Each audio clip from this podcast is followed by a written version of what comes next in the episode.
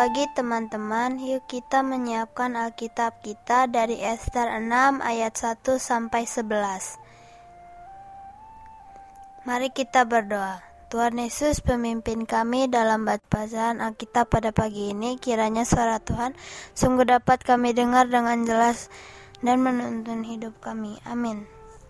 Ester 6 ayat 1 sampai dengan 11. Pada malam itu juga, raja tidak dapat tidur. Maka bertitahlah Baginda membawa kitab pencatatan sejarah, lalu dibacakan di hadapan raja. Dan di situ didapati suatu catatan tentang Mordekai yang pernah memberitahukan bahwa Biktan dan Teresi, dua orang sida-sida raja yang termasuk golongan penjaga pintu, telah berikhtiar membunuh Raja Ahasiweros. Maka bertanyalah Raja, Kehormatan dan kebesaran apakah yang dianugerahkan kepada Mordekai oleh sebab perkara itu? Jawab para biduanda raja yang bertugas pada Baginda kepadanya tidak dianugerahkan suatu apa pun. Maka bertanyalah raja, "Siapakah itu yang ada di pelataran?" Pada waktu itu, Haman baru datang di pelataran luar istana raja untuk memberitahukan kepada Baginda bahwa ia hendak menyulakan Mordekai pada tiang yang sudah didirikannya untuk dia.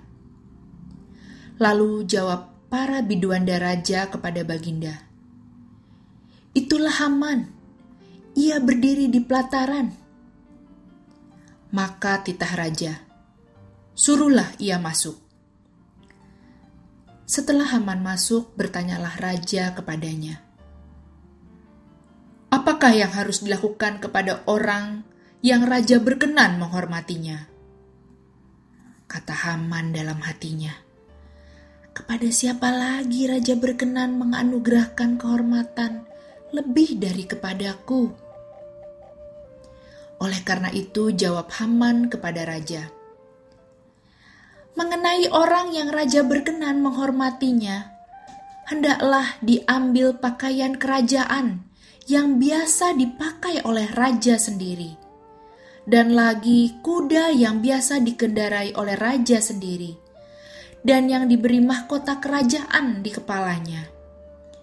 Dan hendaklah diserahkan pakaian dan kuda itu ke tangan seorang dari antara para pembesar raja, orang-orang bangsawan. Lalu hendaklah pakaian itu dikenakan kepada orang yang raja berkenan menghormatinya.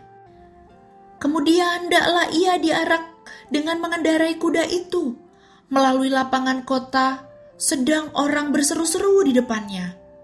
Beginilah dilakukan kepada orang yang raja berkenan menghormatinya.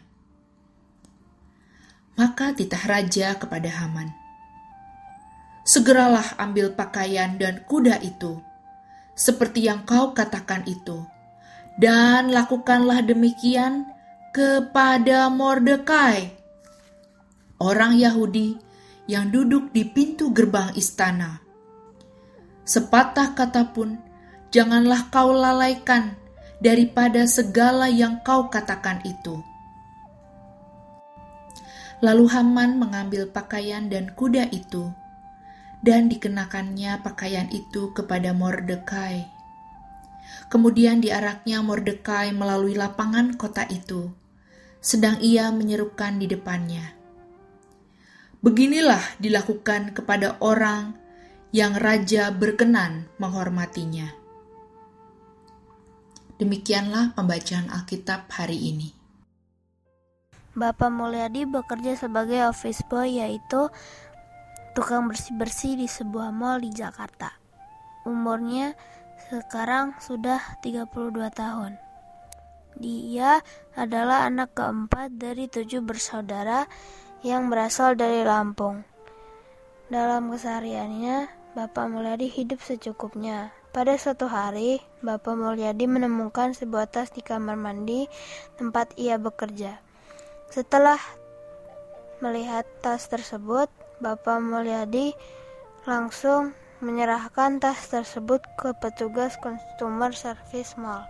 Setelah dibuka, ternyata tas tersebut berisi uang senilai 100 juta rupiah. Akhirnya, Tas tersebut dikembalikan ke pemiliknya dan pemiliknya senang sekali. Banyak orang kagum akan kejujuran Bapak Meladi. Mungkin kalau orang lain yang menemukan tas tersebut dan mengetahui ada uang sejumlah 100 juta tidak akan mengembalikan tas tersebut dan menggunakan uang tersebut. Dalam cerita Alkitab hari ini, Raja Ashweros teringat akan Mordeka yang sudah menyelamatkan dia dari dua orang pembunuh. Walau kebaikan Mordeka sampai dilupakan, tetapi akhirnya Raja Ashweros mengetahui kebaikan Mordekai. Teman-teman, bagaimana cara Mordekai menyelamatkan Raja Ashweros dari dua pembunuh? Apa pesan Tuhan dari cerita Bapak Mulyadi dan Mordekai bagimu? Yuk kita berdoa. Bapa di surga, Engkau selalu melihat apa yang kami lakukan setiap hari. Ajar kami dan bimbing kami agar selalu melakukan apa yang benar di mata Tuhan. Dalam nama Tuhan Yesus, amin. Dalam pembacaan Alkitab pagi ini, yuk teman-teman kita terus ingat kalau Tuhan melihat segala perbuatan kita.